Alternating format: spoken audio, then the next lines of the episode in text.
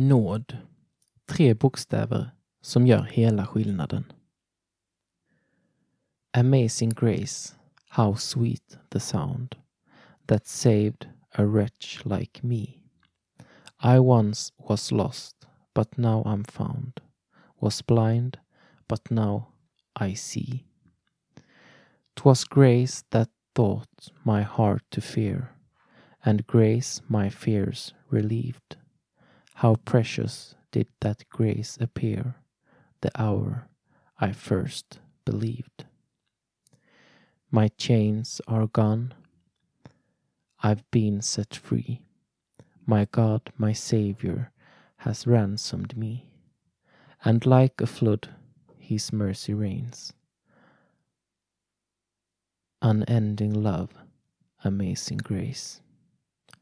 The Lord has promised good to me. His word my hope secures. He will my shield and portion be as long as life endures. The earth shall soon dissolve like snow, the sun forbear to shine. But God, who called me here below, will be forever mine will be forever mine. You are forever mine.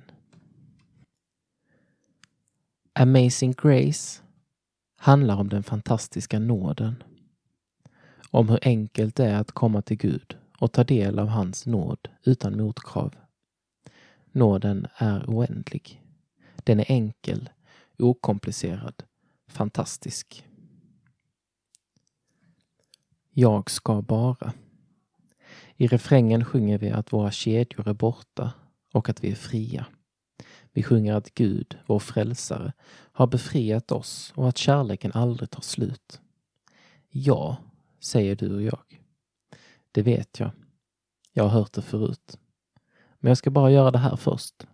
Jag ska bara få i ordning på det där först. När jag blivit mer öppen med min tro bland mina vänner och börjat be regelbundet kan jag sjunga det här. Men det finns inga krav. Det finns inga måsten. Jag, Guds barn, måste inte först berätta om Jesus för andra och ha ordentliga bönerutiner för att kunna lovsjunga Gud för hans oändliga och fantastiska nåd. Det är inte vad nåden handlar om. Nåd på flera sätt. Nåden handlar om just nåd. Om man slår upp ordet hittar man flera olika synonymer. Några av dem är förskoning, eftergift, benådning, amnesti, förbarmande, förlåtelse, ynnest, välvilja, välvillighet och godhet. I sångens första vers ser vi ett tydligt exempel på detta. En oändlig nåd räddade oss från vår hopplösa situation. Vi var förlorade, men nu är vi räddade. Vi var blinda, men nu ser vi. Vi ser att Gud lovar oss godhet.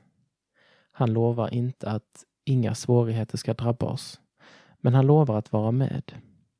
Vi får söka skydd och tröst hos honom genom allt som händer oss i livet. Inbjudan utan motkrav. Gud kräver inte gärningar först. Han gjorde själv det som krävdes och erbjuder oss resultatet av Jesus död och uppståndelse som en gåva. Inte för att vi förtjänar det, inte för att vi har rätt till det, utan därför att han ser på oss med förbarmande, förlåtelse, välvilja och godhet. Gud älskar oss utan motkrav. Det är nåd. Oändlig, underbar och fantastisk nåd.